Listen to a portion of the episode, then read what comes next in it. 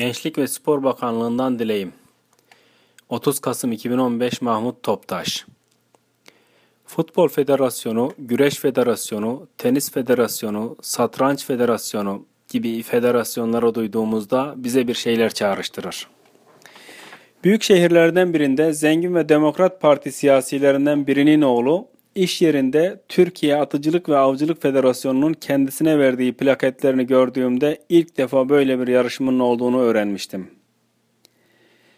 2013 yılında Mersin Erdemli'de yapılan Türkiye ateşli silahlarla atıcılık yarışmasına katılımın azlığından yetkililer şikayetçi olmuşlardı. Kimler bu sporu yapar, kimler spor salonunun yerini bilir ve böyle bir yarışmadan birkaç ilgili kişi dışında haberi olur.'' Ödülleri olan o delikanlı şimdilerde ihtiyarlar arasına katıldı. O zaman benim katıldığım yarışmalarda gördüğüm bu sporun biraz da zengin aile çocuklarına ait olduğudur demişti. Benim Gençlik ve Spor Bakanlığı'ndan istediğim bu sporun bütün halka sevdirilmesi ve zengin fakir herkese ulaşmanın kolaylaştırılmasıdır. Bakanlık desteğiyle her şehre değil her mahalleye poligon açılmalı.'' Silahların ve atılacak mermilerin parasız veya en ucuza verilmesi sağlanmalı. Kayıt olmak için masraf istenmemeli. Mahalle birincileri seçilmeli, mahalle birincilerine asgari ücretten 12 maaş hediye edilmeli. Şehir birincileri seçilmeli ve ödül olarak asgari ücretten 10 yılda alacağı para verilmeli. Bölge birincileri de seçilince ona göre bir ödül verilmeli.'' Türkiye birincisine de futbolda en fazla transfer ücreti alan sporcunun aldığı paranın birinciye ödül olarak verilmeli.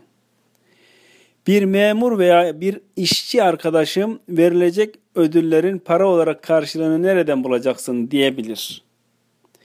Yetkililer onun karşılığının nasıl bulunacağını bilirler. Bu rakamlar biz bize fazla gelir. İlgilisi için hiçbir şey değildir.'' Ateşli hafif silahların her çeşidiyle yarışlar düzenlenmeli. Uluslararası yarışlarda dereceye girenlere derecelerine göre ve Türkiye'de verilen ödüllere kıyasla yüklü bir ödül verilmeli. Her ilimizde atış alanı, talimhane, silahtar gibi semt isimleri vardır.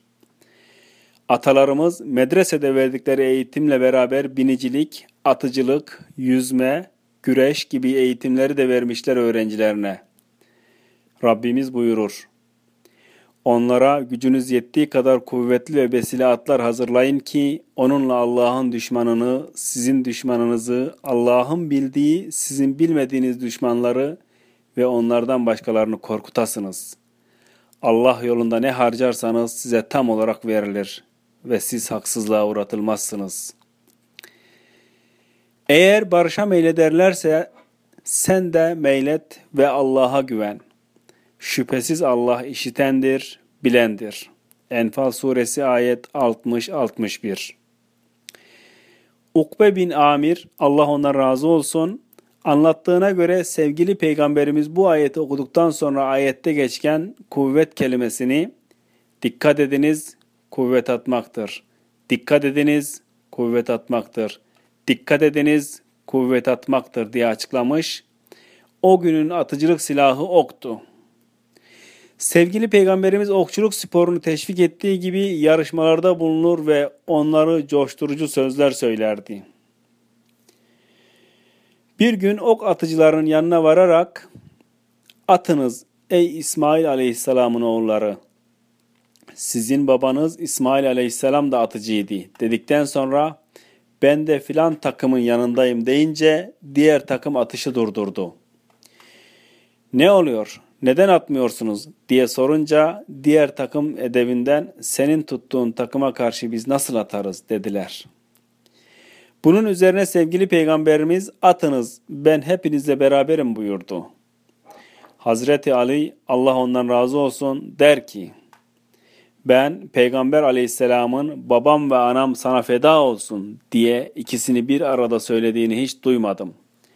Ancak Sa'd bin Ebi Vakkas'a at ya Sa'd babam ve anam sana feda olsun dediğini işittim diyor. Hatta atıcılığı öğrendikten sonra atıcılığı bırakanlar hakkında bir hadisinde o sünneti terk etmiştir buyurmuş. Bir hadisinde ise atıcılığı öğrendikten sonra onu bırakan bizden değildir. O isyan etmiştir buyurmuş. Her yaştan 40 milyon insanımızın bu sporu yaptığını bir hayal ediverin. Dünyayı cehenneme çeviren güçler Türkiye üzerine çorap örerlerken bir değil bin defa düşünecekler. Mahmut Toptaş Okuyan Hasan Göktaş